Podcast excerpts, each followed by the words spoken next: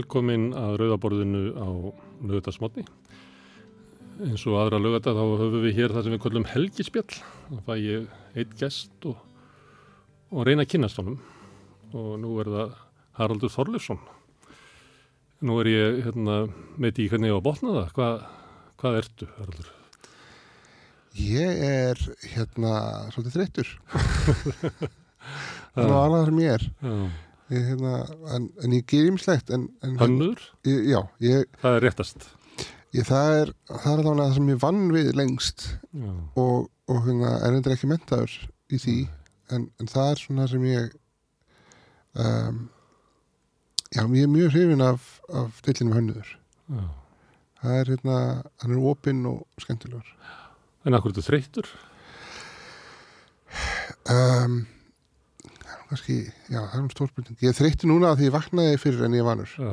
Ég er vanur að, að sofa bara til svona 12. Já, ég sá það eitthvað stöður að þú ert hérna morgusöfur. Já, mér finnst mjög gott að sofa út. Já, þannig að þú eiginlega lifir á, hvað er svona, New York tíma eða eitthvað. Já, ég er svolítið þar. Ég fer að sofa svona þrjú og, og hérna, og vakna kannski svona 11-12. Já. Mér finnst það alveg, Þessu úlingur, úlingstrákur sem að ræður sér sjálfur. ég, já, ég var, einmitt sem úlingur var ég alveg eins. Mm. Síðan þetta, eins og sumrin eða í mjólinn, þá lengdist alltaf og síðan endaði alltaf að við fara alltaf hringin. Já, síðan þegar skólinn var að byrja aftur þá þurfti ég, þá var ég bara að kannski sopna hlugan átt á kvöldin og, og vakna síðan fimm mótana. Já, á strák sem að var svona líka. Og þá hérna, var ég svona að reyna átt að með á þessu hvað það var og þá las ég eitthvað stöður að ef að við erum bara í lokuð inn í, lokuð rými og vitum ekkit hvernig sólagangurinn er, Mhm. að þá færist við alltaf svona, já, það er svo sólaringurinn inn í okkur sé 24 pluss eitthvað. Já, Já. Þú kannast við það. já, ég veit ekki, mér finnst bara rosa gott að sofa. Og það er rosa gott að gera ekki neitt.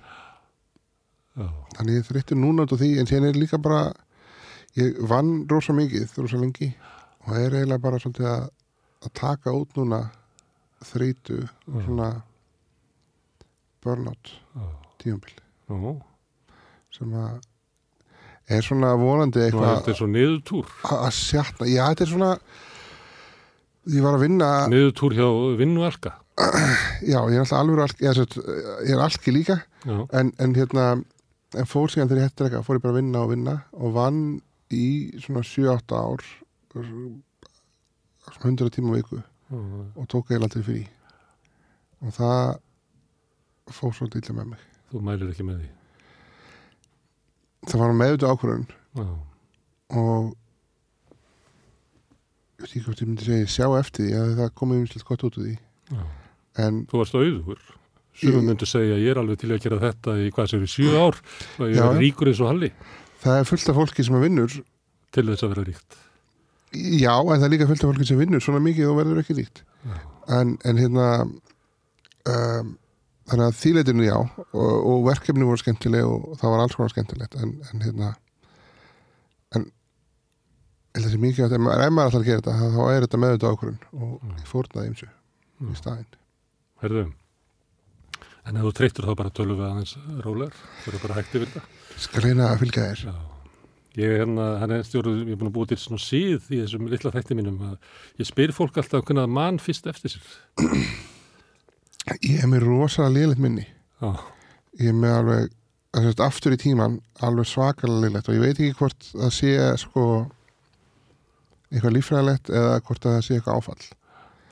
En þannig að ég man uh, ég er með mjög ólösa minningar og það er engin svona fyrsta minning sem ég man eftir. Ég man eftir svona einhverjum brotum.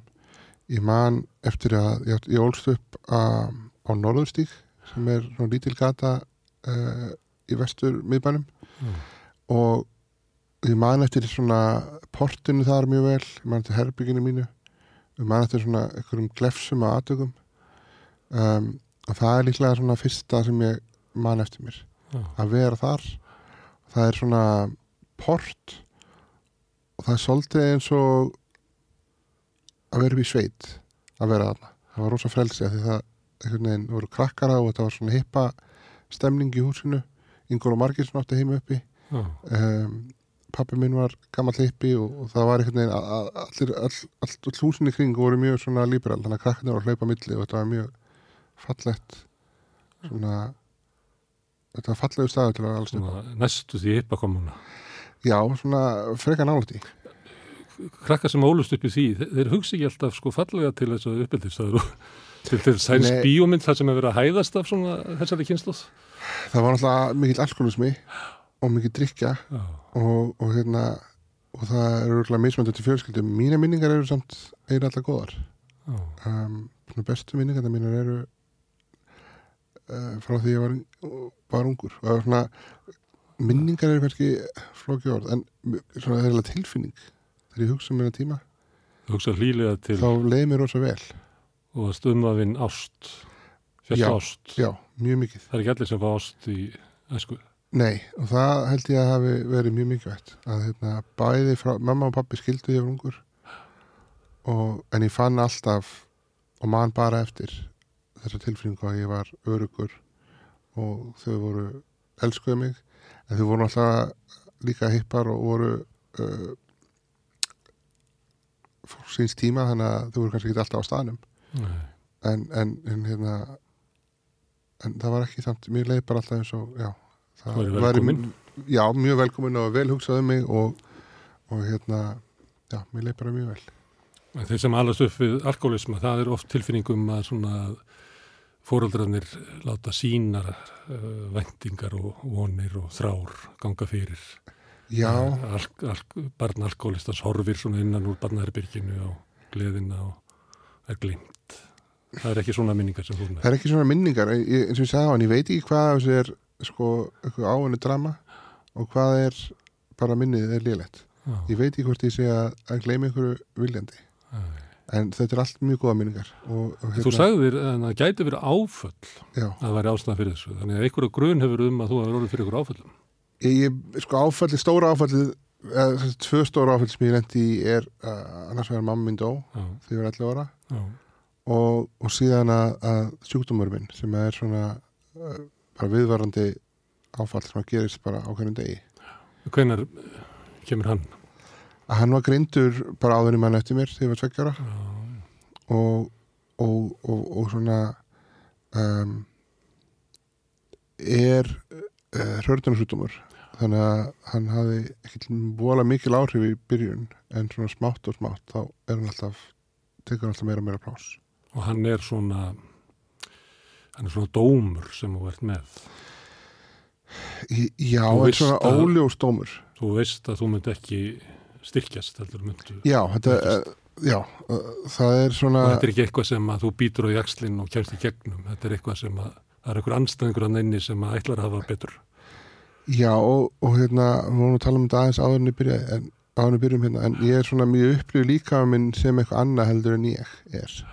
Að líka minn er um, eiginlega óvinni minn.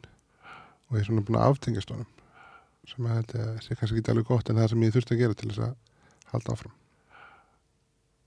Já, að, það sem við vorum að tala um hérna áðan og þú sagðist ekki svona sinna þeir vel. Og, Ég sinni sjálfur mér mjög illa.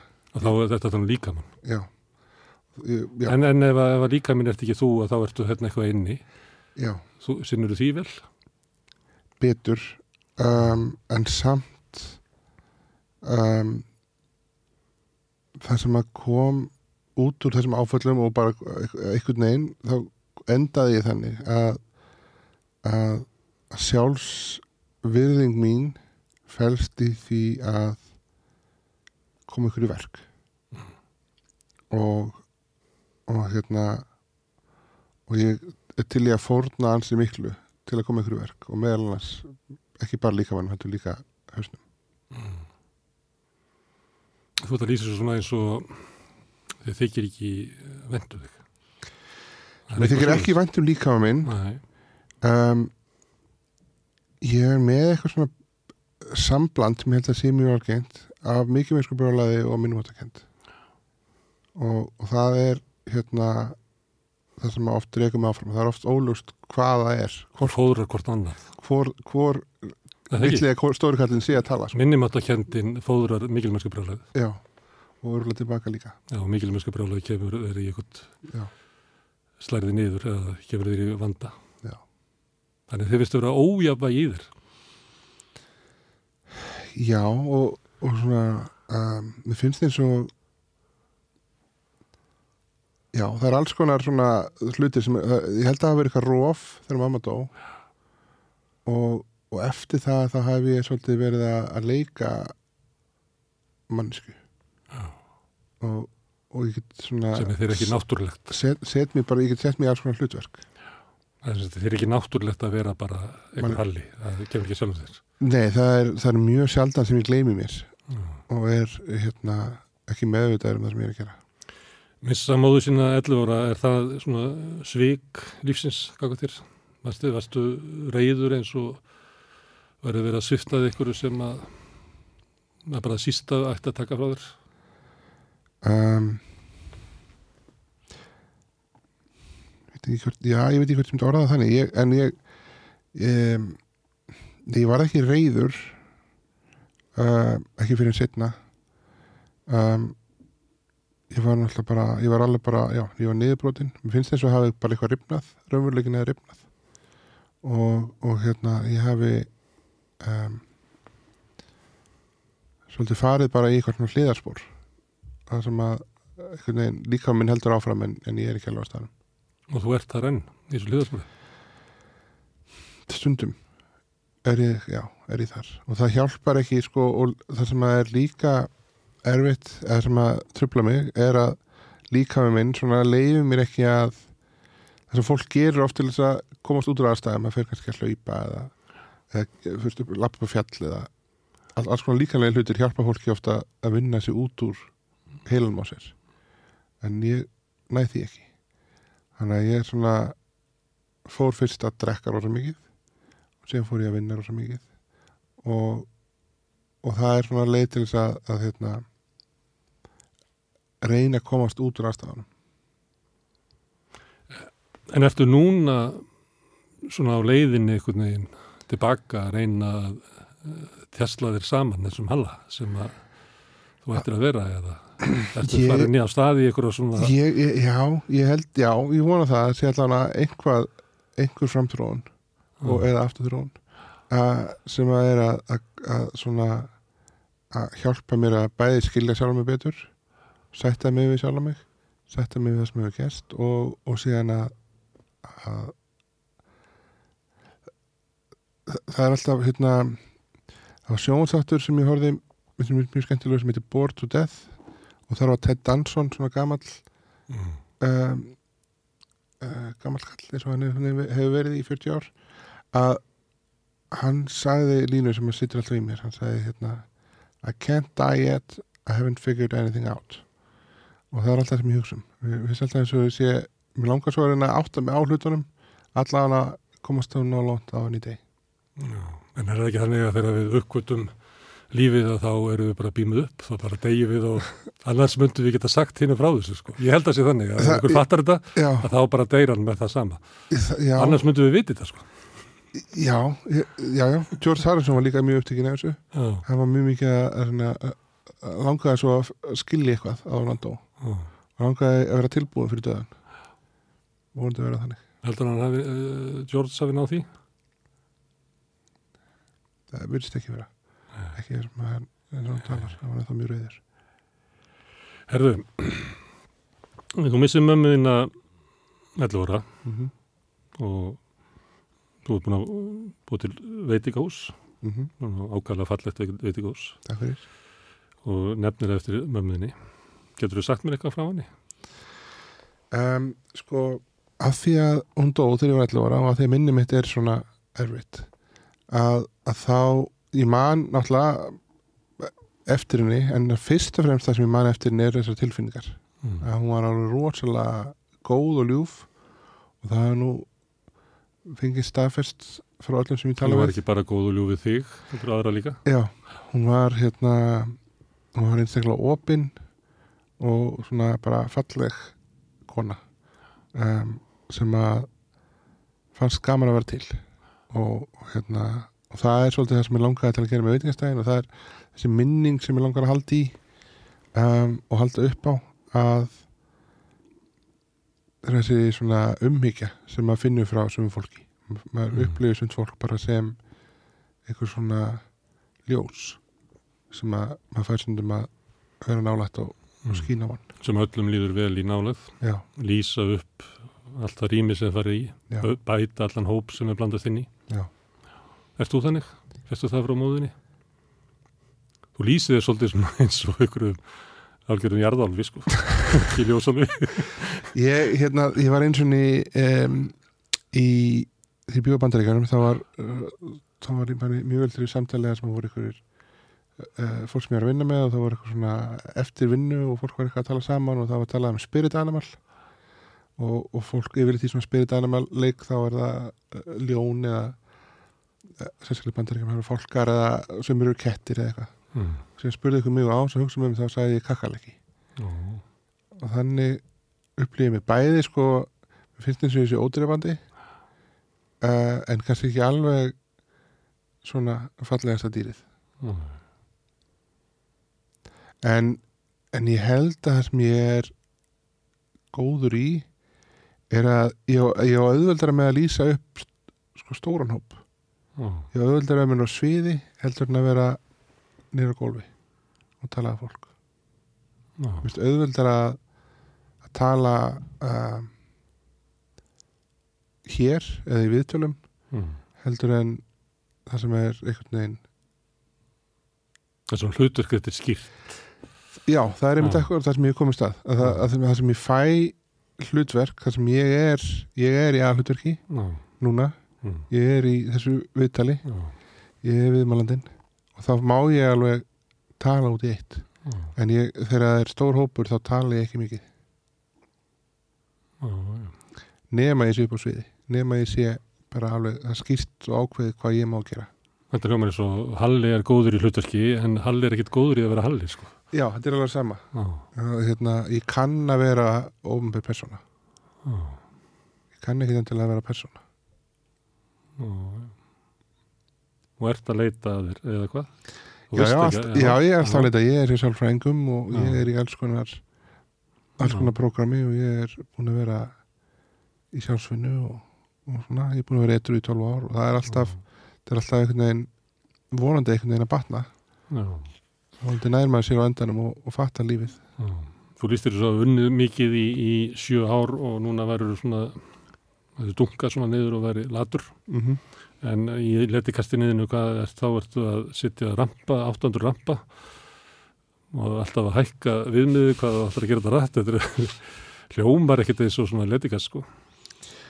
Og við opnaði veitikastað Já. Um, Þetta er þetta er náttúrulega, já, þetta er svolítið flókið sko, því að eins og ég sagði á hann virðið mitt er að koma ykkur í verk. Þannig að í letinum stundum þá þá hugsa ég, nei, ég verð nú kannski að gera eitthvað. Mm. og þá starta ég ykkur verkefni og, og síðan daginn eftir eiginlega alltaf sé ég eftir því og hugsa hvað ég var komur út í. Og síðan tekst kannski verkefni og þá þá var það gaman og þá fæ ég svona smá vímu og þá get ég fara aftur. Á stað og sen sé ég eftir í strax. Eins og þetta alltaf að reyna að gleyma þér bara. Ég er bara í stanslösi leit að, að hérna ná ykkur ró, þakka niður í ykkur þér. Já, mér fannst rosa gott að drekka. Já, af því að, og mér drakk mig ég drakk mér alltaf í blackout. Mm. mér finnst það rosalega þægilegt. Þegar ég var komin, sko ekki kannski í blackout því ég man ekki því, en svona leiðin í blackout Já. það var rosalega, örðun filma áður og dettur inn í já, fram af fylgdýpinu. Já. Og það er heldur sama, og kannski sama ástæðan fyrir mér, mér svona gott að sofa, það er bara það er það að mjög, mjög góðu flótti. Það sloknar loksis á höllónum inn í já. Hérna því að, að þú varst með Óli svo hugmyndu hvernig manns fyrst eftir, má ég spyrja hvernig þú hérna byrjar að drekka fyrst? Var það þannig að þetta var, þarna allt í hennu kom tæki sem að strókar út? Nefnilega svona, ekki, ekki? nei Var það þetta ekki fagnað, hefur það ekki ástu fyrstu sín? nei, þetta var mjög svona það tók langan tíma að vera ástfangin að hérna, ég byrjaði að drekka uh, það var um, þegar við kláraðum samanlítuprófin þá, þau 16 ára Mm. var mjög vel því þá fórum við hérna uh, og ég fekk mér pela af vodka eins og var skilda eiginlega líklega á þínum organgi sko. já, Já. það voru bara, þetta var bara Mandómsvíksla. já, og ég man nú ekki hvernig ég fekk hann en, en já, drakk og það var bara gaman sko, það var bara mjög skemmtilegt en það var ekki svona, þetta er eitthvað sem ég ætla alltaf að gera. Um, síðan drakk ég svona kannski aðeins meirinn ég ætti að gera en ekki endilega eitthvað ótabilega að meðan að vini mínir, flestir æskuvini mínir voru búin að fara í nokkra meðferðir þá var ég ennþá svona alveg sæmilur, síðan því ég var kannski svona 25 ára þá byrjaði ég að drekka um, meira og meira. Og það gerðist eða samlega því að um, ég byrjaði að nota hjólastól. Mm. um, fram, áran undan því þá var ég að labba og var mjög valtur og það kannski svona helt aftur að mér. Mm. það er erfitt að vera valtur og mjög drukkin sem ég var komin í hjólastól þá var ég miklu frjálsari og þá gæti ég byrjað að drekka og þá byrjaði ég bara og var svona frekar fljótlega eða nokkur árum orðin að sko dagdrykkjumanni. En beð heldur þú að byrja að drekka af því að skoðin í hjólastól, ekki að þau verið góður staður fyrir drikkjumann að vera á, það er ekki alveg hljómarkið. um, Varstu reyður út í sko- stólinn? Ég tók eftir því að þú varst að koma engað inn að þú ert á eldgömmur stól sem að ískrar í. hann hérna, já, hann er búin að vera mjög góður sko en, en hérna nei, ég var, ég var eiginlega nei, þegar ég byrjaði að nota hjólastól uh, ég hefði átt að byrja að nota hjólastól miklu fyrr ég var mjög valtur eins og og það ég var meira, meira einangraður af því ég bara átti erfitt með að fara um. Og ég var alltaf hættið við að detta því ég var alltaf, alltaf erfiðar og erfiðar með að standa upp. Um, þannig þegar, það var rosa frelsi þegar ég byrjaði að nota hjólastól. En ég var samt sama tíma þá var ég hérna mjög meðvitaður. Ég var alltaf verið mjög meðvitaður um, um sjálfa mig hvernig fólk horfir á mig. Af því að ég var með, þegar ég var yngri þá var ég með göngulag sem var öðruvísi heldur en ég með stuttar hásinar þannig ég lappaði svo á tánum. Og ég var alltaf að passa mig á því að enginn væri að annarkvæmst að gera grína mér eða, eða, eða eiginlega vorkera mér og það gerist náttúrulega ágerist svo sem mikið með hjólstólum að þetta er náttúrulega mjög augljóst þú hittir einhvern hjólstól fyrst skipti þetta er það fyrsta sem þú tekur eftir eiginlega Mm. og, og hérna mér var staða mjög erfitt en, en það var rosa mikið frelsi þannig að ég var svona meira glaður heldur en heldur en leiður Mm. Og sagðir áðan eitthvað í sambandi við hlutverkin og Halla, að Halli í hjólastól er náttúrulega Halli í hjólastól sem er ákveð hlutverk. mm -hmm. Er Það það gott eða slemt? ákveðin búningur um, ég, þetta er et, það er bæði það er, ég get alveg spila með það ég get alveg komist upp með ymslegt ég get hérna ég get uh, gert og sagt ymslegt og, og, og lék mér svolítið að því þegar ég var að drekka að vera mjög leiðilegur og Af því að það er erfitt fyrir aðra að svara móti í já, já Mm. og hérna og spilaði, notaði þetta sem vopn bara Hvað er þetta langu tími þegar þú drekkur eða byrjar að kemur í hjólastólinn og drekkur í svona halgir reyðilísur mm -hmm. þangað til að, þú bara, getur ekki meir. Ég hætti að drekka fyrir 12 árum það er uh, ég, ég var 34 ára um, þegar það var um, Þetta er nýju árið eða svo. þetta eru nýja á og, og svona kannski 5-6 alveg mjög slæm ár uh, svona fyrstu nokkur árin voru svolítið að byggja upp í það að verða síðan bara Mm. það er ekki með þér tekur smá tíma Já.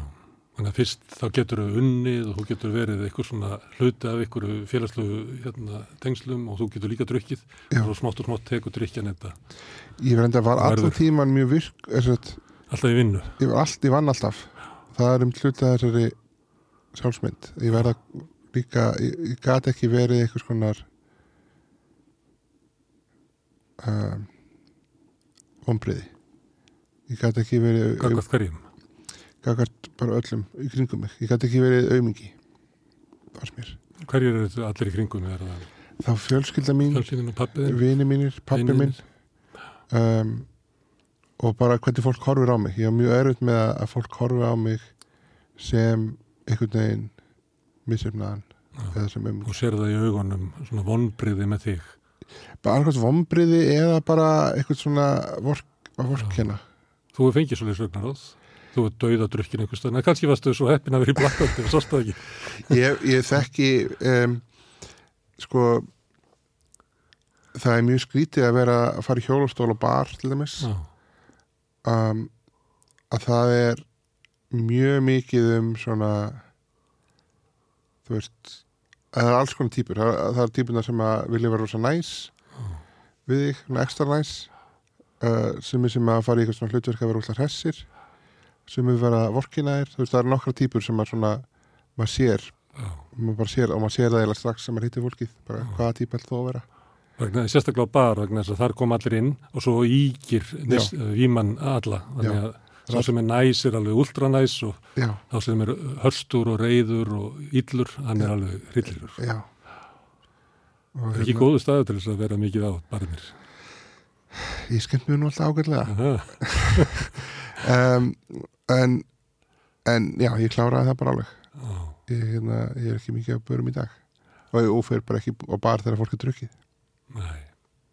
Og ferð, ferð heim þegar klappi kemur á öxlina og einhvers vill fara að tala við þig. já, Það er enginni á samtölum á börum er að þetta er ekki raunverulega samtöl. Það er bara hvort fyrir sig er bara að tala á sínu egoi. já, já, það er bara fólk að hella úr Er að, Þess að kemur fólk alltaf aftur og aftur að því það er ekki niðurstað. Sko. nei og það, það, hérna, það, það var eitt af því sem að gerði mig afund, afhuga þessu að, mér finnst þess að ég væri ekkert að þróast Æ. ég væri alveg fastur Ég held að það sé engi sem mæli það ykkur þroskast, það er ekki sem mæli en það farða barinn. Ég hef aldrei þetta.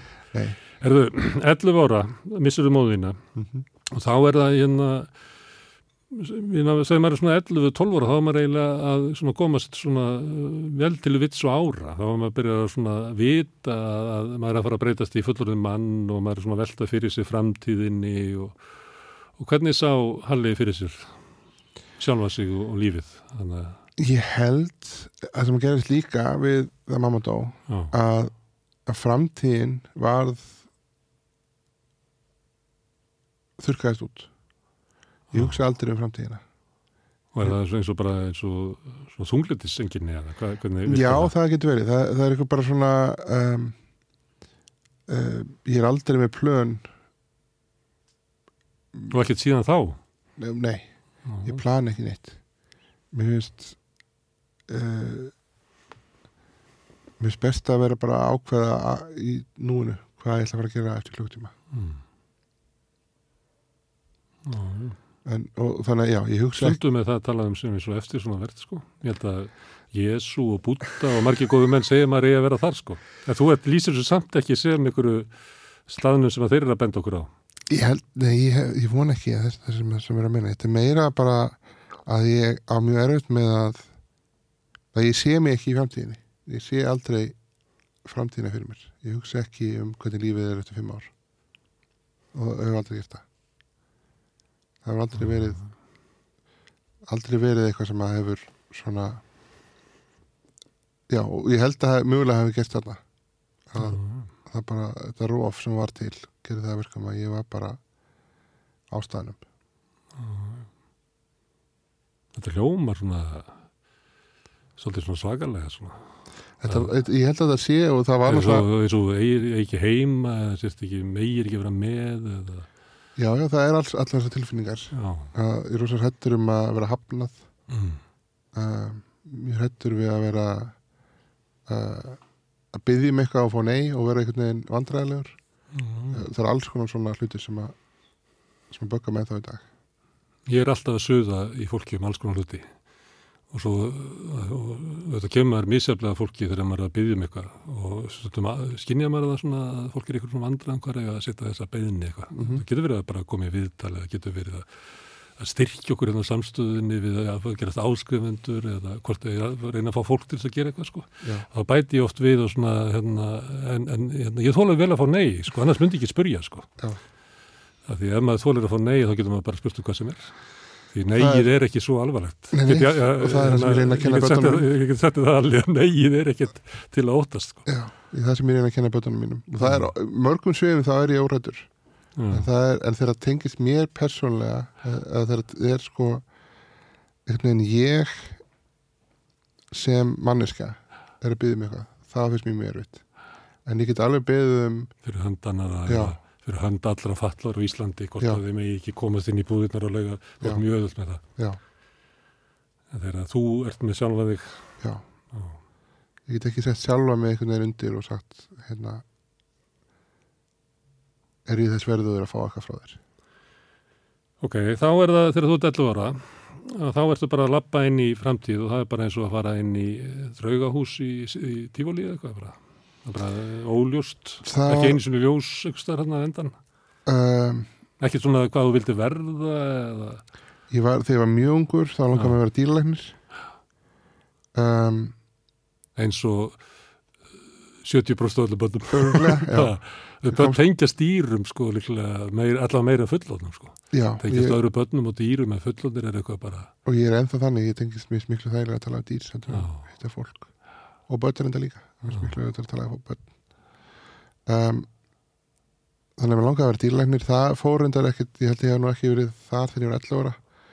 Um, það var mjög óljóst. Ég fór í MH um, ég var með svona aftur svona metna fyrir því að líta út fyrir að ég væri klár. Og ég geti gert alls frá hluti. Já. og, og hvernig klár? Svona nördaklár eða, eða bara streetwise eða hvað, hvernig klár? gætt fengið góðar einhvernir mér varst líka, já, svona bara allan mögulegan hátt að fólk upplýði með eins og ég væri mjög klár. Það var sem ég mjög mikið veit og finnst það ennþá. Svona, finnst það ennþá sko á þessu leveli sem maður kemst ekki á. Að, þú veist, þegar ég finn það bara sjálfur af hverju er ég að segja þetta? Af hverju er ég, af hverju er ég að tala svona þá, þá er það þetta þú veist, að ég verð að passa það að allir finnst ég að vera klár. En ertu klárið það? Ég held þessi klára mörguleiti ég held þessi svona um, ég, ég, ég er mjög góður í að fara í alls konar hlutverk og ég var að segja á hann þannig að ég kann að vera klár í hlutverkum. Það er kannski óþar að vera að reyna að sannfæra hann að fólkum um sért klár það er það, getur hlýtur að vera mjög þreytandi fyrir annað fólk En tókstu það að varstu í vinsalu krakka klikunni í MH? Nei, alls ekki. Ég var hérna ég, ég var mjög heppin var í meðlarskóla, átti góða vini þar fór í hagaskóla og, og raunir allir vini mínir í dag eru úr bekk sem ég var í 13 ára og eskuðinir Já. Og, og það hjálpaði mér rosa mikið. Síðan fór ég í MH og ég mani var að hugsa sko sumari fyrir skólan ætla, þú veist, hvernig ég ætla að vera, hvað karakter ég ætla að vera. Ég ætla, þú veist, að passa það að vera þú veist, stress og skemmtilegur. En síðan bara fyrsta daginn það fatt að ég, ég er ekki að fara að ná þessu. Þú getur ekki kæft við þessa hressu og skemmtilegu þarna? Nei, og, og hérna þannig að, nei, hvaða, hva- hvernig ertu í MH? hvaða, ég fættir 77, þannig ég byrjaði þá 70, 93 og það var bara Pál Þjóndusson og fleiri ný hættir eða eitthvað e, já, ég sá ekki, ég sá reynda Pál Óskar ekki hérna. Um, það getur vel verið að hann hefði bara, já, hann er alltaf 73 eða eitthvað. Já. 72 um, en það voru, þú veist, ég hefði átt að fara í bekkaskóla það var, það er erfitt fyrir að vera í áfoka kerfinu já, ég, ég held ég sé svona ég held að ég vennist ágætlega en ég ekki, átti ekki auðvöld með að svona láta fólk taka eftir mér. Nógu mikið til þess að nenn að vera með mér ekki að fáið bara sviðið já, og fáið hlutverkið. Já. En þú, eh, þú lístir í áðan að þau líði ekki vel inn í svona smæri hópum og það tekur langan tíma að lenda þar já, og ég, mér, líður, mér líður ennþá eiginlega best í þessum vinnahóp sem að var til þetta þegar ég var mjög ungur Já.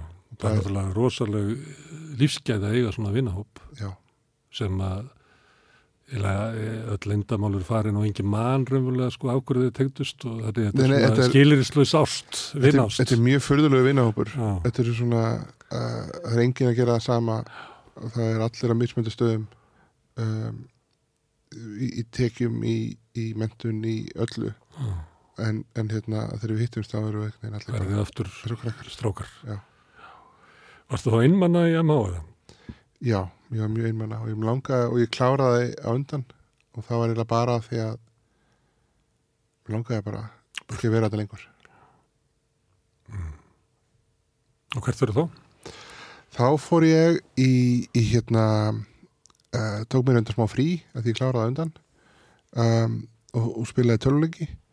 Uh, og síðan fór ég í, vaktir á nóttunni og sást á daginn. Já, já fór og síðan hver hýsti þið þá? Hvar ert þú? þá er ég hjá pappa og, og konu hans og, og hérna Þú var svona eins og margir kannski þekkja úlingurinn í herberginu sem er eiginlega já, þeim sástu örugglega ekkert mikið nei, og er, lifir eftir klukkunni í Bali eða eitthvað Já, já, Og bara, og bara klukkan bara fór í ringa eftir ringa eftir ringa sko.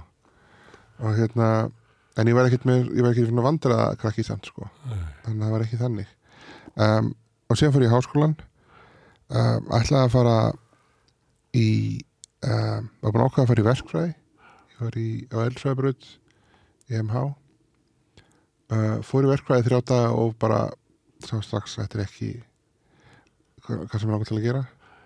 Um, þá var einn af þessum æskuvinum minnum í heimsbyggi þannig fór, mig, fór bara hoppaði strax yfir í heimsbyggina uh, kláraði eitt ár þar. Um, fannst síðan að ég þyrfti að vera með eitthvað svona alvöru mentun um, og fór þá í, í, í vístafræði, í fjármál. Og að að það var bara eða sama, það var bara koma allt í vor, nei höst og, og, og vinur minn var að fara í það.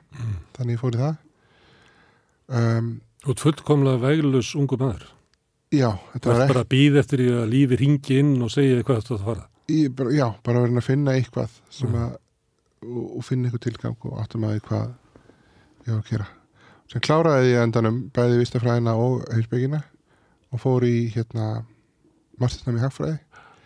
Og það var svona frekar fljótlega að fatta því að það var ekki það sem ég langaði til að gera. Mér varst fræðin skemmtileg en allir sem ég þekkti sem voru hagfræðinga voru að vinna í selabankanum og mér fannst það bara einhvern veginn með full virðingu fyrir því, því fólki. Það var ekki eitthvað sem ég sá mig í. Mér langaði ekki að vera í þetta Þetta ertu byrjar að drekka og þetta ertu komin í hjólastólinn þannig er ég byrjað að, drekka ekkert svo illa en svona eitthvað og er byrjað að nota hjólastóli. Hérna, sjúkdómurinn sem er náttúrulega markað lífið mikið Mm -hmm. Hvað, hérna, getur þú útskiptaðan fyrir fyrir mér? Hvað, hann, hvað, hvað er þetta? þetta er gena uh, galli sem að um, uh, kemur þegar báði fólöldnir eru, eru með hann þannig að þau bæði voru sett, arberar en hann er víkjandi þannig að hann kemur ekki ljósnum með þessu báði fólöldnir með hann. Hann er mjög sjálfgefur um, og uh, lísti þannig þegar var mjög ungur að ég byrjaði að labba seint og labbaði kannski, var ekki upp stöður og aðeins um, varð sem greindu þegar ég var svona tveggjára og, og fram eftir aldrei það var aðalega það sem sagði á hann ég var með svona öðru göngulag því að hásinu það voru stuttar. Og, og síðan fór ég að fatta að ég kannski hljóp ekki að pratt og aðrir. Um, en ég gerði mér ekki alveg grein fyrir sjúkdónum ég man ég var að hugsa með bróðu minn sem er fjórum ára yngir ég að þegar ég var kannski nýjára og hann var fimm, sex, fimm ára að ég hljóp hraðan hann og þá einhvern veginn ákvaði ég einhvern veginn reiknaði það út ég myndi alltaf hlaupa eins og fjórum ára yngri krakki.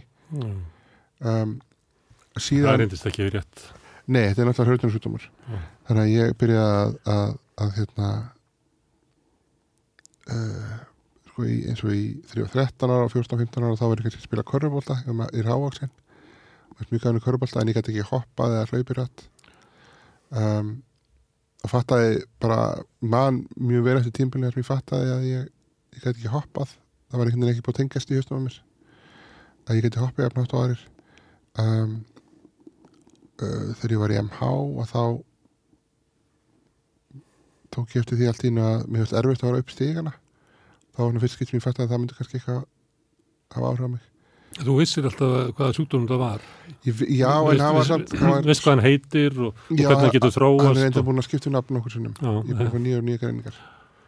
Og ég fór í greiningu hérna á Íslandi þar sem að læknin sagði mér að það myndi bara hafa áhrif á lappinnar uh, og, og hérna og mjög glaði með það náttúrulega. En síðan nokkur mánu setna þegar man ég mjög eftir augnablikun þar sem ég svona var að tegja upp í loftið og ég fann að hendin var ekki eftir sterk og hún var áður. Og þá hugsaði ég, já, ok, hann hefur ekki haft rétt fyrir sér læknin Mm. og þannig að smá saman þá er svona allir vöðvar líkamannum bara að, að svona, eins og sé að vissna þeir eru bara vissna þeir eru ekki að, þeir fá ekki réttu prótinin fá ekki að, að hérna, velta sjálfum sér. Mm. Og hendurnaðinar eru ekki eins og öflugur að voru bara fyrir fimm árum eða tíu árum. Nei, alls ekki og ég hérna svona smá svona, ég, það er alltaf svona kannski ár, tvö ára áttur í tíman sem ég hugsa og man eftir að ég gæti gert eitthvað sem ég get ekki gert lengur Þá serðu breytinguna. Já. En annars ertu bara eins og froskur sem eru verið að sjóða. Já, annars er ég bara ekki eftir breytingunni. Já, og, og, eins og, og, og ég er búin að áftengi mér nú mikið að þetta er ekki eitthvað sem ég hugsa um.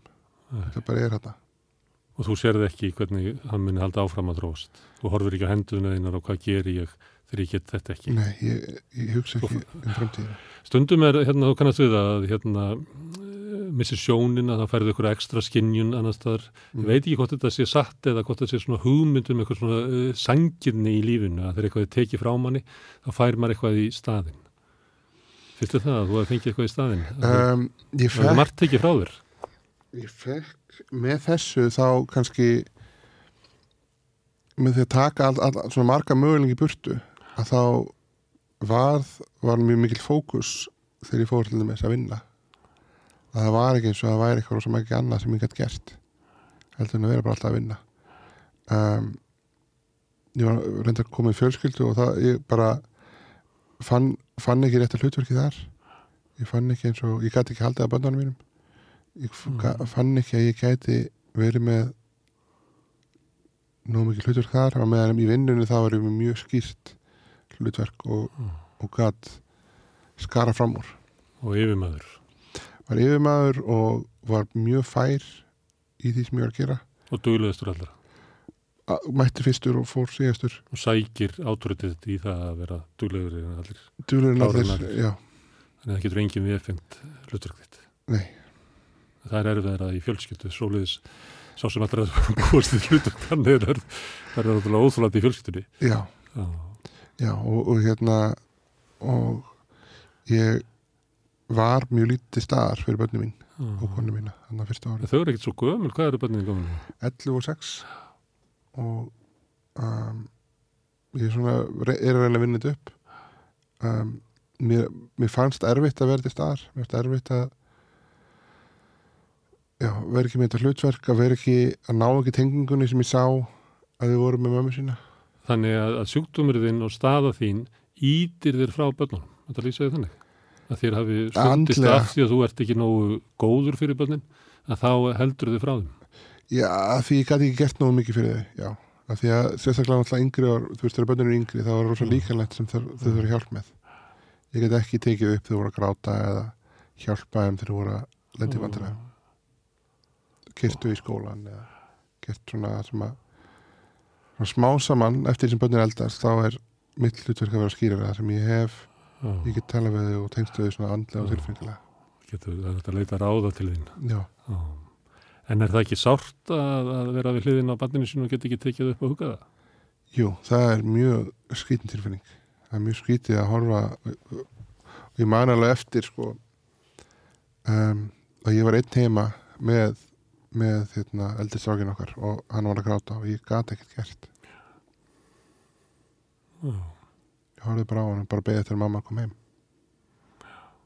En þú erum að lýsa þér svolítið þannig eins og þú, þið þykir ekki vendum líka með þinn já, og stundum veit maður ekki eins og gott þið ekki vendum halla sko. mm En,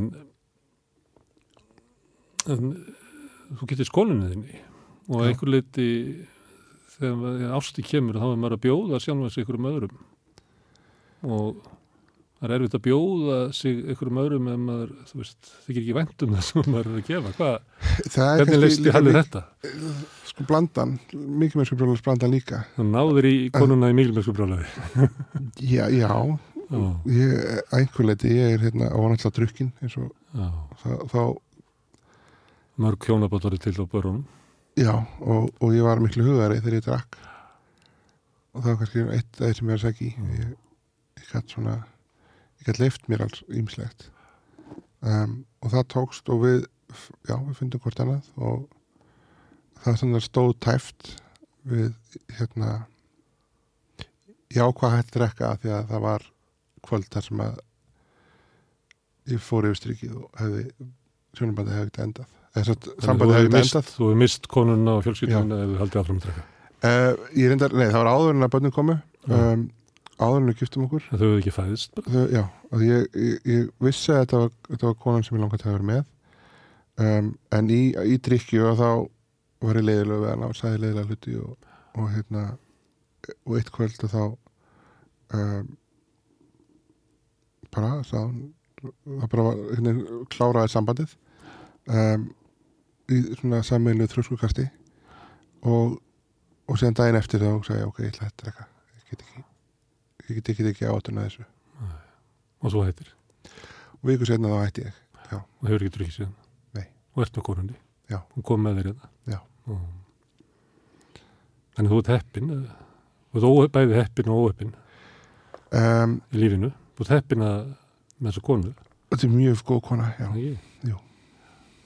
Mjög hefði með þessu konu. Það sá það þegar komið inn. Herðu, ég, hérna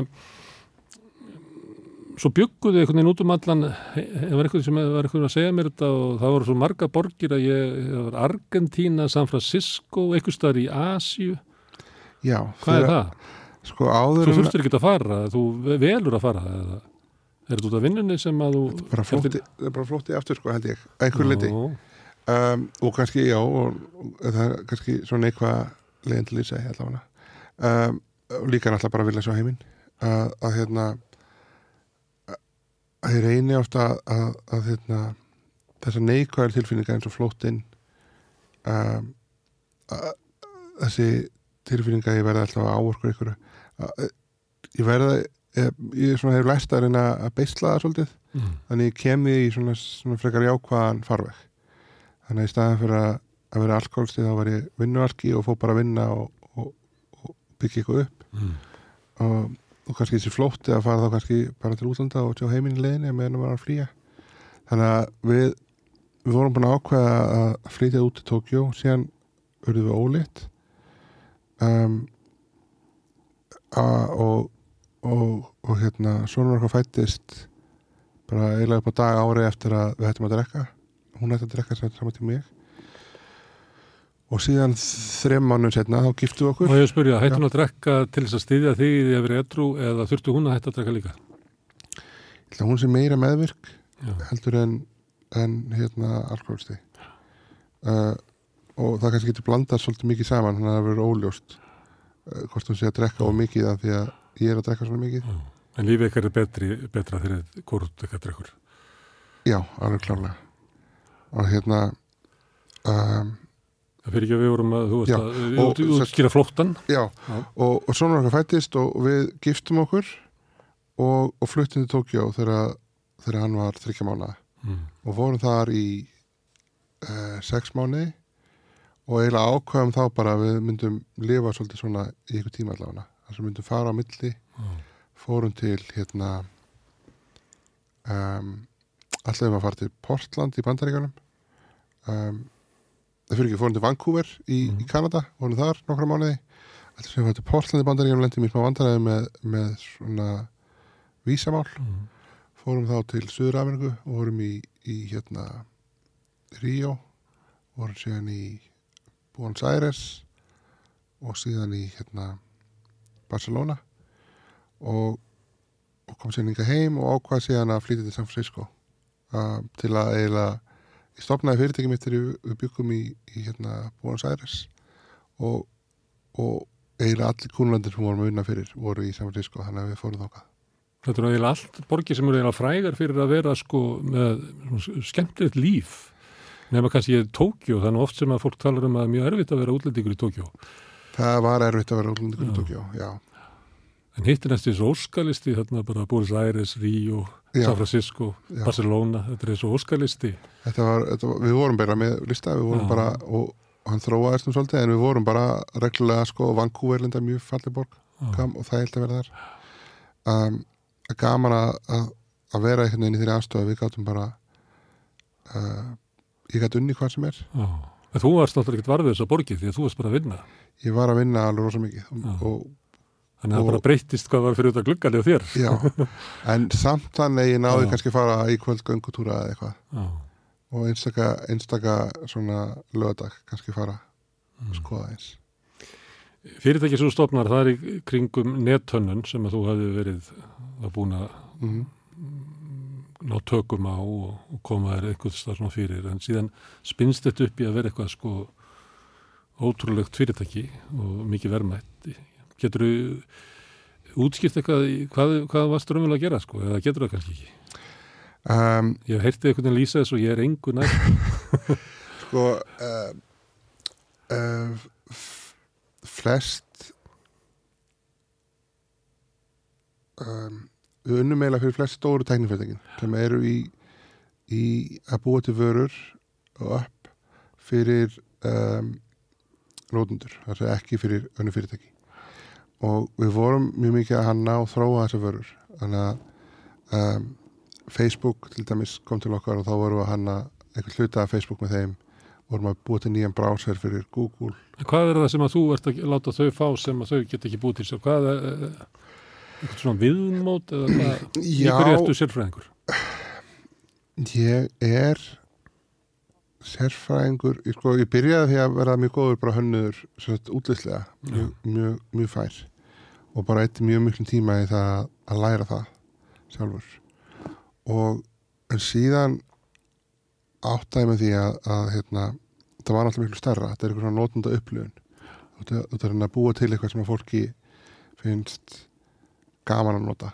Um, og, og, og það er miklu stærra konsept. Og það sem að þá skiptir hvað með annað máli heldur útlitið líka bara tímin eða hljóðið það er bara allt saman. Hvernig, hvernig, veist, hvernig upplifur hlutina? Hvað er það, fyrst og náttúrulega hvað er það að gera?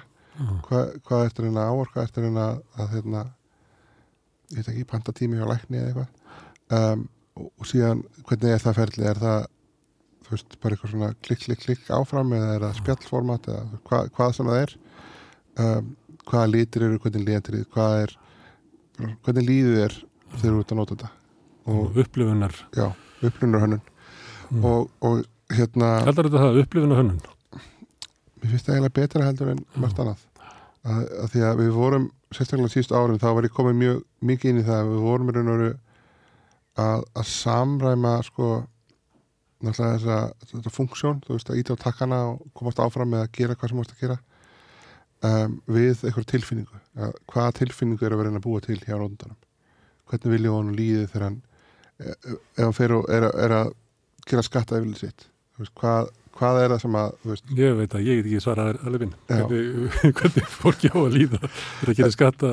En veist, það, það, þetta sumir séu bara í örvætingu maður myndi kannski halda að veist, hugsaður um fólki það er einmitt hrætt, vil ekki gera mistök. Það er, þú veist, fyrst þetta vera flókið þú veist, þú vilt hérna einhvern veginn vefja það inn hugsa um, þú veist, gefa það eins mikið ráð og getur, láta þau finna að það er allt til að, þú veist uh, hérna, að það er engin svona stór mistök sem þetta að búa til eitthvað svona umhverfi þar sem að fólki líður örugt eins mikið og getur, það er svona alls konar svoleiðis, að við vorum þetta ekki að vinna með skattin en að, þú veist, maður getur ímyndað sér að það væri eitthvað svoleiðis, eða að vinna mikið fyrir samfélagsmiðla, vinna fyrir Google, vinna fyrir öll þessi fyrirtæki Apple, og þeir tókst að búa til fyrirtæki sem var mjög gott í þessu Já. með starfsmenn dreiftum heiminn eða ekki? Já, og, og sem að hérna, öll stæðstu fyrirtæki heimsins sóttust eftir að vera í viðskiptu við. Mm og já og varstu fyrstur, akkur gekk þér svona vel? Varstu undan hinnum eða um, varstu bara best varstu vannstu samkeppni eða? ég held að við höfum verið alveg í já, topp þrjú í heiminum í svona þessum bransa. Ég held að við höfum verið að orðin það góða við við vorum eiginlega alltaf í samtælinu ef að það vantaði eitthvað, eitthvað auðvitað til hjálp Já. hjá sérstaklega teknifyrirtæki þá vorum við eiginlega alltaf eitt af fyrirtækjum sem að tala við. Og þú stýrði fyrirtækinu þannig að mjög fljótlega hefur þú náttúrulega hætt að hanna og verið bara í sko, stór kunna samskiptum. Já, ég, ég varð mjög góður í svona sölumennsku Mm. uh, og góður í að og, og smá saman betri í að, að leiða hóp uh, af, af fólki sem að gat síðan búið til þessi verkefni. Hva, hvernig ertu góður í að leiða hóp ertu, akkur er þú góður yfirmaður Það er nú mikið af fólki sem ég myndi úrlega að segja ég var ekki góður maður. en, en fyrir fólki sem ég var, ég, ég, ég fann líka út að ég var góður í maður fyrir ákvæmna tegunda hópi, mm. ekki góður fyrir annan hóp og, og að hérna Gæstu verið kröfuharður eða mjög segja, annar myndi segja, hann gaf okkur skýr skilabóð, mann vissi alltaf hvað hann var að byggja um, eitthvað svoleiðis. Já, það, uh, ég var mjög kröfarur uh, ég var mjög og er kannski með mjög háan standard á, Það er bara í á vinnunni. mörgunum þess að vera óþólandi bara. ég alveg eh, bara fer oft yfir þeim mörg Já. fyrir held ég marga að ég, ég sætti mig ekki við að fólk ger ekki hlutin eins vel á mér finnst það að gera Þessi yfirmaður er ekki í tísku lengur. Nei, en síðan held ég hafi mildast líka og náða að verða náða aðeins að mildast og verða, me, vera svona meira mjúkur en samt þannig ég gaf ekki afslátt á gæðum Nei, það var bara mjúkt yfirborðin, það var sama kröfuharkalega Já. myndir. Já, En þetta var ekkert fyrir síðan að þú verið góður í þessu. En síður þú verið góður í, þetta er náttúrulega mjög sérstök sölumenska gagvart svona stórfyrirtækjum. Það er, Mhm. hvað, það er náttúrulega undarlegar skeppnur þessi stórfyrirtæki, það ekki? það sem að Þetta er náttúrulega, þetta er fólki sem er stjórnar heiminum okkar, hérna Facebook og Google og eitthvað fleira. Þannig að ég verði bara að spurja það fyrst hefur hitt þessar skeppnur. Hvað svona skeppnur er þetta? ég held að heilt yfir séu, séu fólk gott Já, A- mann, alls staðar. mannskefnum svo góð. allstaðar Já. í öllum hluturkum Þetta er yfirleitt ingangur af því að þú ert að fara að tala og segja eitthvað síðast slæmur. það sem gerist oft að það myndast ákveðni kvatar Já. til að gera hlutina þannig að, fólk hægir sér ákveðin hátt Já. og, og tækni umhverfið og vöxturinn í tækni umhverfinu er þannig að um, þessi fyrirtæki voru komið með svo mikið völd miklu hraðar heldur en fólk þekkti áður. Og fengu bara stækka, fengu að kaupa samkynina og það er bara ótrúlega hlutir sem að vera að gerast á síðustu áratugum sko. Já, sko náttúrulega allt umhverfið er ekki tilbúið til að takast á við svona mikinn vöxt í ákvæmum gerum. Þannig að uh, pólitíka umhverfið er bara lagalega umhverfið er ekkert getur ekki haldið í við það þegar svona mikla breytingar gerast svona hratt Er og mikið auðvald eða mikið fjármagn sem þessi fyrirtæki ráði yfir fylgja, fylgja því náttúrulega líka. Um, en allir sem ég eiginlega vann með na, ok, 98% myndi ég lýsa sem mjög góðu fólki sem vil gera vel. En í uh, kerfi sem er kannski ekki gott. Já, ekki það- gott fyrir það og kannski ekki gott fyrir samfélag heldur. Já, það eru það eru hérna þegar að fyrirtækin eru að vaksa svona hratt og þau vita það að annarkvort vaksaði svona hratt eða þá eitthvað annar vekk svona hratt og, og þau. Mm. að það verður til alls konar skrýtni kvatar og, og hræðsla og, og allt paranæja og grimd og, svona ákjöf þar sem mannum sjáist ekki fyrir og, Já, en, en að selja í stóru fyrirtæki og í kannski fyrirtæki almennt er að þú ert alltaf að selja það að aðeilin lendi ekki vandræðum sem, sem að kaupir að hann hann fái minnstalega sem að hann uh, er að kaupa út við þér. Að því við erum alltaf að selja þjónustu sem er úrslega óáþræfleg, við erum ekki að selja ykkur hlut þar sem þú segir bara já, ég ætla að fá eitt svona bíl. Mm. við erum að segja við, við ætlum að vinna með þér í sex mánuði. Og eftir sex mánuði þá ertu með eitthvað sem við getum ekki alveg lýst núna. En þá ertu Sem raunverulega er- að selja þig en ekki vöruna sko. þú Já, ert að að selja selja- þú sett lustin við erum að selja tröst já, og, að að Já, og að, að ég og fyrirtækið og, og miklu leiti ég mun passa það að, að, hérna, að þú fáir það sem þú átt að fá. Og þú ert góður í þessu. Að selja hennar hallar sem að, að þú ert ekkert svo ánæði með. Já, það er þá þennan hluturkahalla Já, þetta Þú og, veist og að selja hann- fyrirtækið. þú veist að, að hluturkahalli hann hérna, fyrir gegnum ekki Já, og, og við held ég og það sem að fyrirtækið af því að við náðum eiginlega alltaf að mæta þessum vendingum sem að gera það verkum að fyrirtækið koma aftur og aftur og því það er bara mjög sjálfgeft að, að þjónustu fyrirtækið nái alltaf einhvern veginn að mm. en svo endaði með því eitt að fyrirtækinu keft ykkur. Já, Hvað, síðan, það erfitt uh, það ykkur ákvörðu sem þú þurftur að taka að, já, það var sko hérna um, hvað er það þá að sjá á eftir fyrirtækinu inn í inn í svona stórtbatteri eða að, að hafi ekki reyndu kontról yfir því eða hvað það var nú alls konar hlutir. Þetta var svona eh, eitthvað svona formala hjá mér sko hvað, hvað ég vildi. Og, og hérna ég vildi hugmyndum voru aldrei að selja fyrirtækið. Það var byggt upp þannig að ég ætlaði bara veginn að vera hann alltaf. Mm. um, en eftir COVID árið sem að var mjög erfitt fyrst kom rosa neðisveifla Mm. og sér kom svakalega uppsveifla. Og í við að- að láta fólk fara og í uppsveiflinu þá vorum við bara að drukna í vinnu. Og eftir það ára þá var ég bara andlega alveg bara búinn. Mm. og, og líka það fannst mér einhvern veginn að það var gaman í byrjun þegar nýverkefni kom inn. Það var nýr kunni sem var mjög skemmtilegur. En, en ég fann að það skipti engum máli hver kom inn hvaða verkefni var, það, ég var einhvern veginn búin með öll þessi verkefni sem ég langaði til að ég var löngu búin að tikka í öll bóksinn. Og, og hérna síðan var ég uppgefin og síðan óna það að það var 2020 mjög skrítið ár í bandaríkanum þar sem ég bjó. Þar sem hafa búið að vera náttúrulega COVID. Þar sem að svona allt vísindara samfélagið var svona efastum. Það var búið að vera hérna uh, Black Lives Matter hérna eftir George Floyd eftir George Floyd dó, mjög mikið hérna, og þar var verið að svona efast um það að hérna og, maður fann bakslæði sko frá, frá hérna svona, sérstaklega hvíta hærinu að veist, það væri ekkit að, þetta væri ekkit eitthvað sósjál vandamál. Mm. að það væri löngu komið eitthvað kynjafrætti en það var efast um svona réttlæðistáttin síðan voru kostningarnar þar sem að svona líðræðið einhvern veginn var efast um. Að efast um það að hann hafi tapað kostningunum veist, og ég var svona það var veginn allt bara fyrir mér bara bara ég sá fyrir mér að framtíðin væri þannig að allur sannleikur er bara hann er ekki til lengur. Mm. og, og þá fór ég að hugsa getum, hvað ég geti gert. Mér langaði ekki lengur að vinna í þessu fyrirtæki sem ég var með, ég var, vorum í þjónust fyrirtæki sem að kúnin kemur inn og við erum bara að leysa hans hans mál. Um, ég var uppgefin mér langaði til að passa að fólki okkar myndi lenda á góðum stað fjárhaldlega Mm.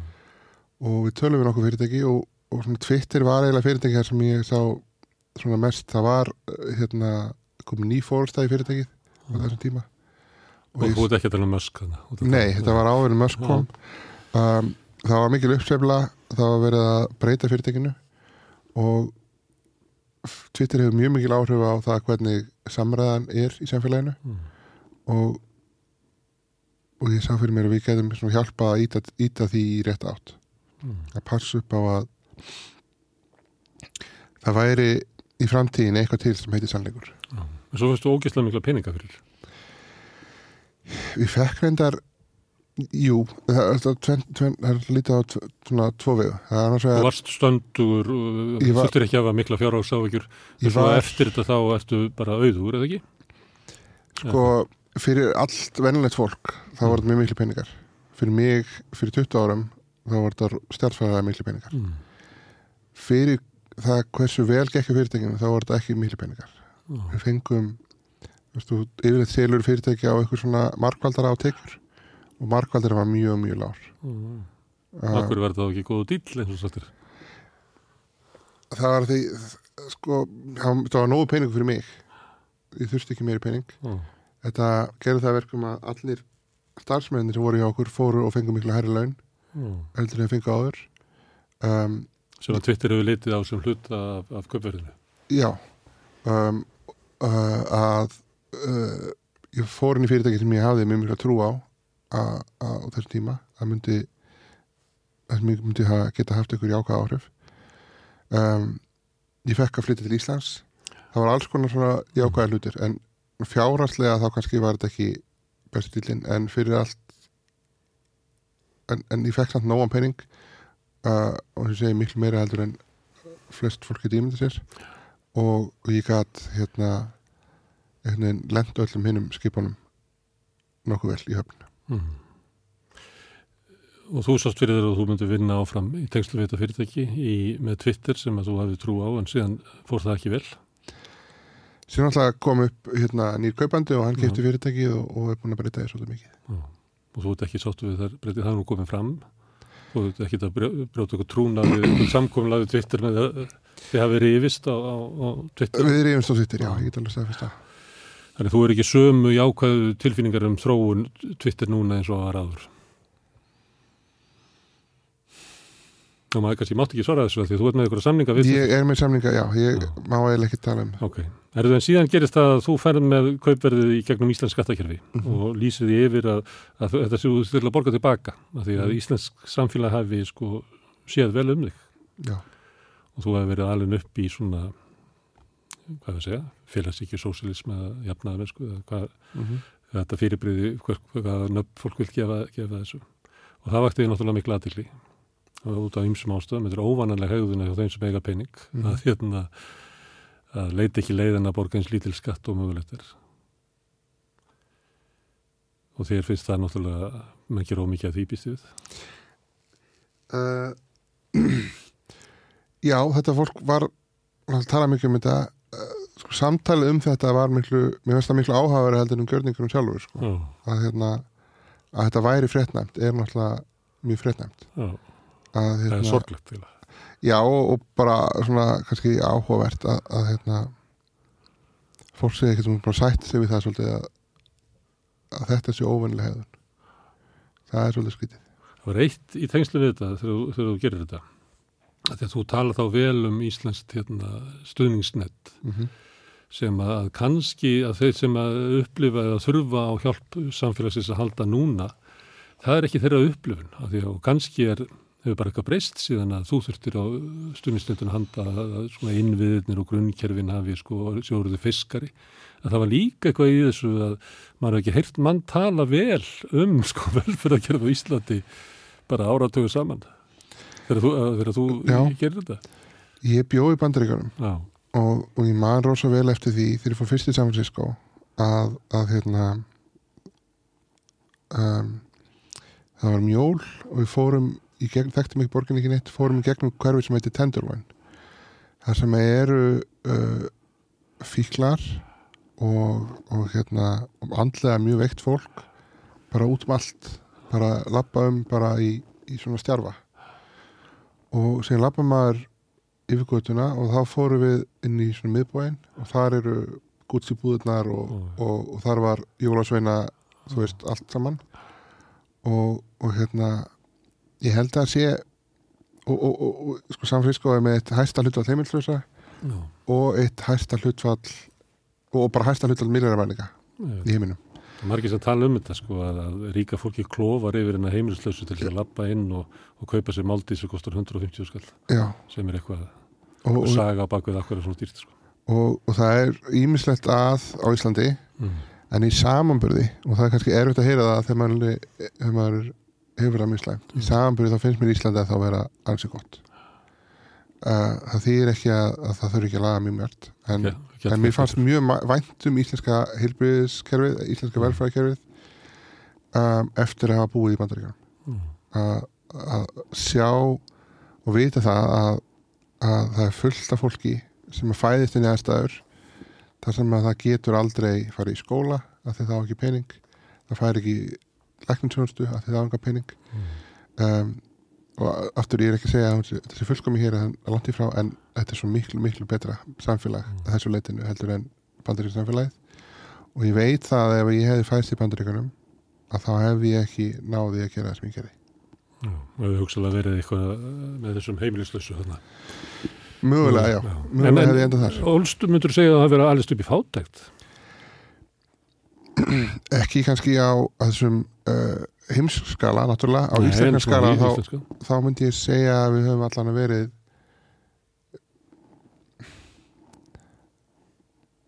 Já, já. Þurftur að neyta þér um hluti þegar þú varst barn? Já, já, við, já, já, alveg klárlega. Við, hérna, hvorki pappa minna og mamma voru, voru eigna fólk eða átti, átti neitt, sko. Nei. um, en þau voru mjög duglega og unnu mjög mikið og, og hérna og, og komist svona allan upp í svona lægri millinsett um, með árunum en þegar ég var ungur og það var ekki ekki mikið til.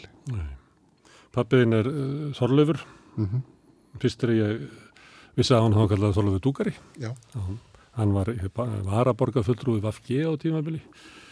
Er svona Og var- hetrúisti. og var síðan borgarvöldur líka Já, var borgvöldri og hefur verið hérna unnið fyrir SA og fleira og var, edru, ég held að hann nú komið fram ykkur starf.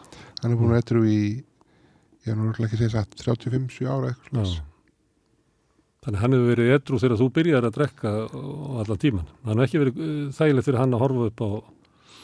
Ég var, já, nei, alveg örglega ekki, en ég var samt ekki, hann sá það held ekki mikið, Nei, hvað ég var mikið að drekka. hann hefur verið svo, með, hann hefur verið svo elskur að þeirra hann hefur ekki síða gallana þína. Uh, já, ég er alltaf bjóð ekki lengur heima og Nei. hann svona, hann, ég, ég, hérna, ég var ekki umgangvart en ég var drukkin. Þeir eru vinir eða hvað í dag? Það hefur gott samband ykkur að milli? Við erum, hann, hann, sagt, hann leiðir ram- rampaverkefnið, Já, hann er framtöðsveri rampaverkefnis þannig þeir eru samstagsmenn. við erum samstarfsmenn og, og það er, Þannig hann er í vinnu hjá þér. já, og það, hérna, kostur og gallar Já, sem fylgja því. Hann er ótrúlega duglegur um, og ástríðufullur fyrir verkefninu. Og, og hérna og er bara ástæðan fyrir því að við erum núna ætlum að byggja þúsund rampa á, á fjórum árum og erum núna eftir eitt og halvt ár komin upp í 850 já, þannig þeir eru alltaf, það er dugnarinn honum sem að veldur því að þeir eru alltaf að endur skoða áhaldunina. hann stendur sig alveg ótrúlega vel, já. Ertu líkur honum? Það útlitlega er ég mjög líkur honum. Um, skaplega það, þá held ég að við svona stundum, eða sömuleikið líkir um, sömuleikið ekki. Um, uh, hann er hann er afskaplega góður maður. Hann hérna það situr eftir mér í mér sko mörg skipti það sem við fórum nýri bæ og, og ha, það voru það var fólk uh, rónar og, og heimilsins fólk sem að satt þarna og hann talaði við þau og, og, þeim pening og, og átti ekki mikið tæmdi veskið og leiði átti, nikinn að átti ekki mikið sjálfur. Nei. og hérna og hann hugsa mjög mikið um fólk sem að á ekki nóg. Já, og er trygglindur og heldur sambandi við fólk og já og hann er mjög hann var í Vafkía já uh, en var svona þekktur fyrir það að, að hérna að geta unni með öllum. Já, að geta unni Og- með fólki öllum flokkum og hrækti svo úr vafki eða eitthvað. já, unni með öllum með Vafkí Já, eins og áviðum marga sem verið í vafki. Á þessu fyrir því það. Herðu, en þegar þú kemur til landsins að þá ertu svona það sem er kallað ríkur maður. mm -hmm. Og þá alveg eins og með hjólastólinn, þá breytist þegar fólk horfir á þig. Þá er það hérna, halli í hjólastólnum og Mhm. halli ríki. Já. Og ég, kannski kemur fólk til þín og er að reyna að ná ykkur. að. Það getur líka haft svona árif. Þú nefndir hérna æskuvinnuhópiðinn. Mm -hmm. að það getur verið erfitt fyrir svona hópa að allt í nú einn sem að gæti bara bóðið öllum í matinn og enginn þurft að borga en, en kannski er það óöðulegt og það var allir svo háðir honum og þannig að það er svolítið flókið að vera ríkikallinn. Já, þannig að ég ætla að fara að vorkina ríku fólki eitthvað óöflega en það getur svona það tröflaður samskipti sko. já, það fer allt úr balans um, en sem betur fer í þessum vinahóp að þá hefur það ekki gerst. Að hérna að það er um, ég er enda mjög duglegur að bjóða fólki heim til mín í mat. Um, en en já, við, við svona það hefur ekki komin eitt upp þar. En, en svona í öllum öðrum samskiptum þá verða það, geta orðið mjög skrítin þegar fólk veit að einhver hinn aðalinn á kannski nóg mikið pening til að leysa vandamál fyrir sig. Mm. og það, það gerist að fólk spyr um eitthvað sem að kannski fer svolítið yfir mörg og og, og, en ég skil það mjög vel. Ég skil mjög, mjög vel fólk sem að er í þeirri stöðu að, að bara spyrja getur þú Þannig að það er líka fólki sem er bara í vandræðum og bara verður að spyrja bara leita allstaðar Já.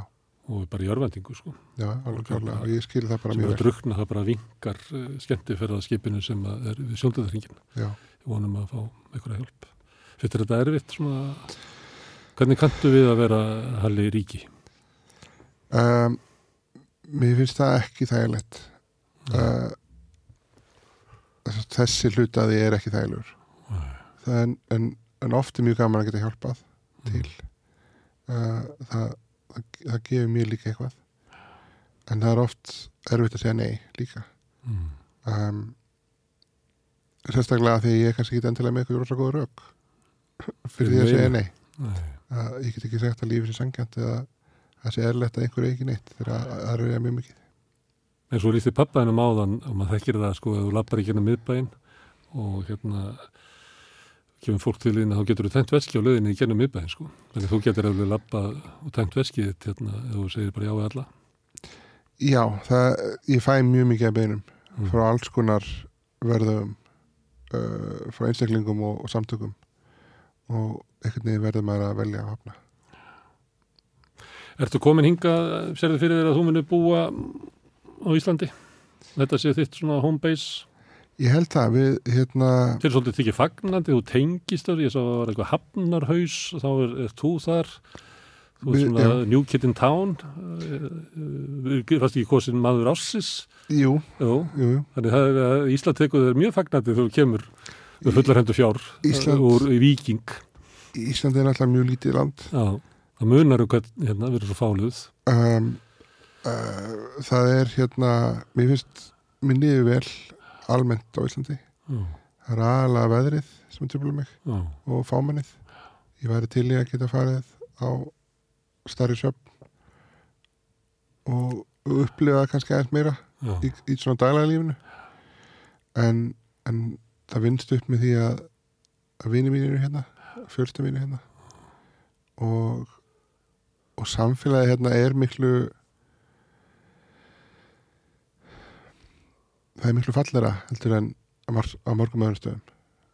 Um, það er hérna náttúrulega ímislegt rifist um í pólitík já, En rifrildi í pólitík á Íslandi í samræmi við til dæmis bandarækin er bara við finnst það bara alltaf svona krútlegt. Já. Það er Íllindin og, og ákafinn í bandaríkjónum og það er rosalega já, illindi En við getum farið þangað. Það eru ýmis mál sem að, eins og nú er verið að, svolítið að íta undir umræðu um hælisleitit og rýmflýtendur. Það er svona ýmis merki þess að sko, við gætum mist það samfélagið. mun vantalega gerast að koma upp ykkur í flokkar en, en, en þá, þá erum við ekki með flokka sem eru svona um, og kannski já, í samræmi með bandaríkinn til dæmis ekki aukaflokkar Við erum, það er almennt sátt um það að, að hérna við veitum kannski kannski óþar að fara á tjústi en það er almennt sátt um stóru samfélagsins mál oft á Íslandi miða við bandaríkinn það sem er bara í aðraði borgarstyrjöld um, bara í fjölmörgum málum það sem að, að, að hérna um,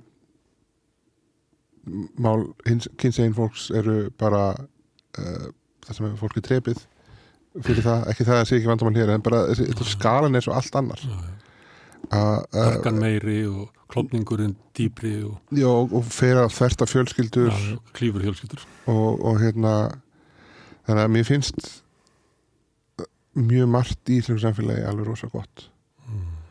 mér finnst gott að það sé sátt um það svona almennt að við séum með heilbyrðiskerði allavega sem að er, er hérna uh, það er náttúrulega einhverjir núansar á því hvað fólk vil nákvæmlega hver borgi fyrir hvað en það er samt ekki eins og í bandaríkjunum. Það sem að er það sem þú ætti að borga sjálfur og tryggja þig sjálfur. Það er sama skapi allavega. Mm. að við séum með hérna, fría skóla að við séum með hérna, sátt um það að, að hins eginn fólk sé fá að lifa í, sátt og samlendi við alla aðra. Þetta er rosalega stór mál í bandaríkjum sem eru bara engin sáttum og það er mjög gott að vera hérna á Íslandi fyrir mér, þessu litinu Svo eru við fá menn og, og hvert okkar skiptir máli og þú hefur, þér hefur tekist að hafa áhrif á Íslands samfélag. Til dæmis að þú getur farið um laugavegin og hjólastól og farið bara inn í hvert hús sem að enginn gætt gert öldina þar á undan mm og þetta gerist bara í auga bragði. Þetta er svona, stundum er þetta svona þessi stemming á Íslandi að svona rjúka í ykkur mál. var Svo eru kannski önnur mál sem er ekkert sint, sko. Nei, nei, það, Nei. þetta var, það voru, þegar við byggum með til þetta verkefni, fyrst, fyrst, með Reykjavík, þá líst ég þessu einmitt bara fyrir öllum. Þetta er bara Íslands stemningsverkefni, Mm. fáum öll með, förum bara öll að stað og það, og það verða bara, við verðum bara öll til í þetta. Koma svo, svo sagt í handbóðalíkunum. Já, og bara römpum þessu af. Og hérna, og það tókst svolítið vel. Um, út af þessum þjóðaranda, það er einhvern veginn, og það er svona dæmi mál sem að að því fullt af málum sem Íslendingar vita upp þessu sökina um, og vilja gera miklu betur en kannski viti ekki alveg hvernig og það bara þurfti aðeins að kveika neista og þá fór alltaf stað. Svo held ég að þú skiptir máli í þessu vegna þess að þú kemur og ert á hjólastól og ert Mhm. aðdónaverður og ert ríkur. Að þá einhvern veginn opnast viljinn til þess að, að laga þetta á meðan ef að halli alkoholisti í stólnum sem er reyður og Mhm. kannski á erfitt með að sko tala jákvætt um þetta og skammar fólk að það var engin til að setja ramp fyrir hann sko.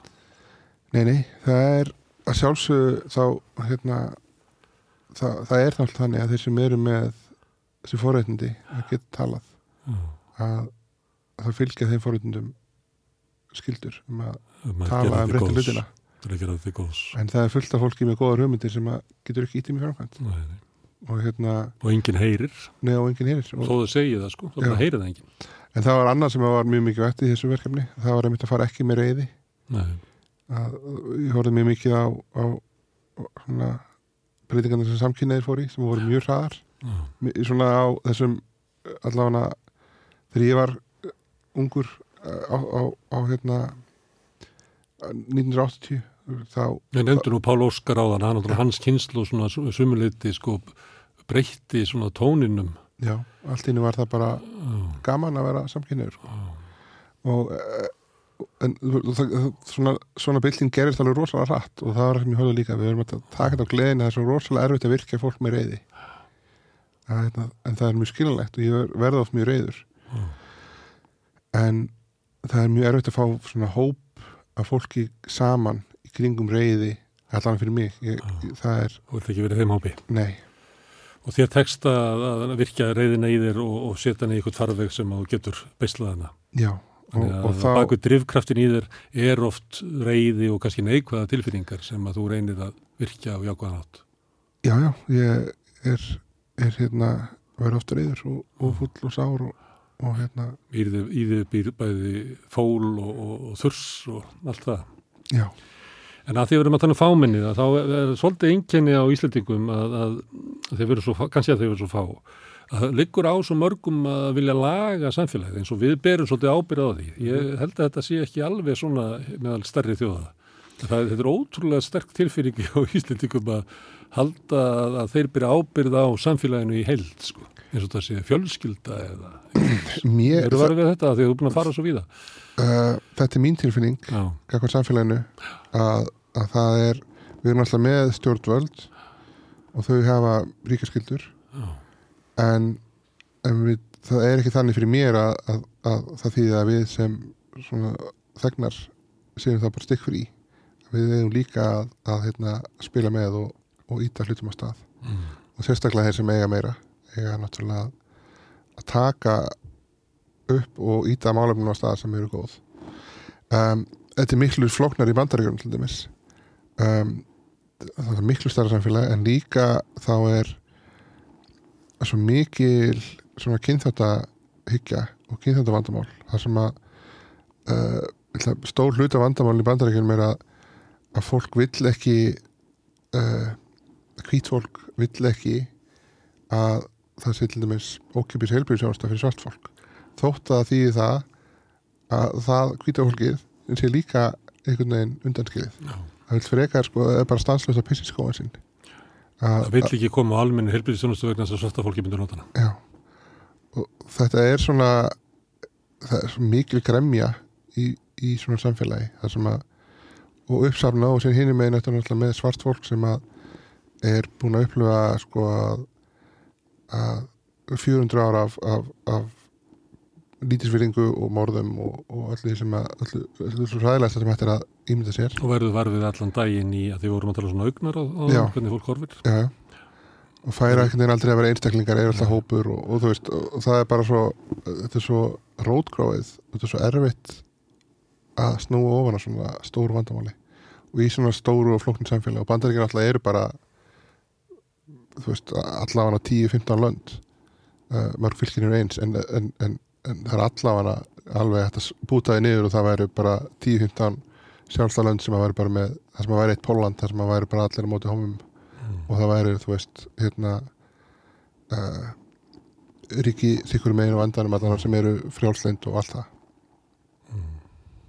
Baldakin hafa haft svona árið á veist, Svona, Já, þau, það- þau hafa Þú hefur ekki styrt svona trúðina á, á mannkynnið og um, eða hvað og allavega að að læra að elska Ísland ég, ég, ég með fyrirvaran alltaf mm. um, að það er bara að, að þykja vænt um það sem er gott í samfélagum okkar sem er, maður þarf held ég ofta að fara í burtu og koma aftur og sjá hvað það er hérna sem er gott án þess að fara í þann bleikingarleika að halda allt í fullkomið sko.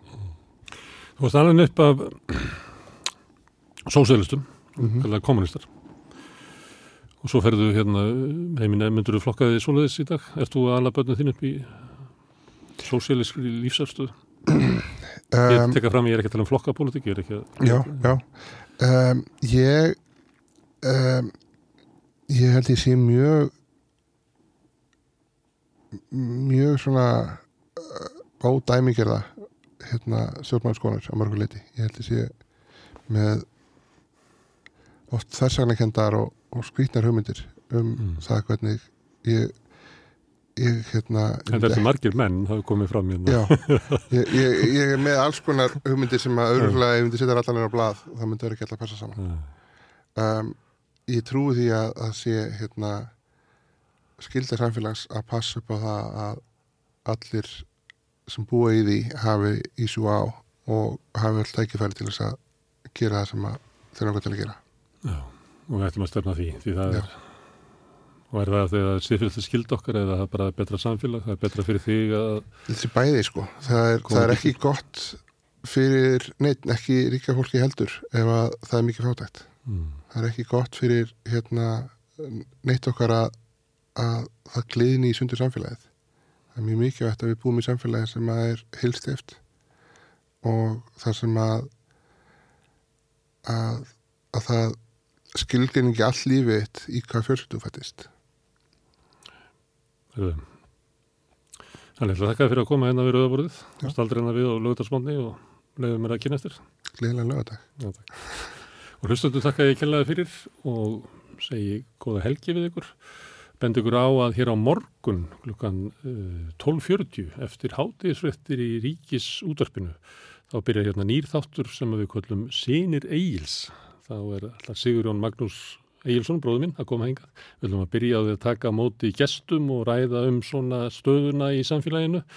Helgi Seljan kemur hérna, Þóra Kristín Áskistóttir og Dagbjörn, nýja þingkonna samfélgingarnar kemur.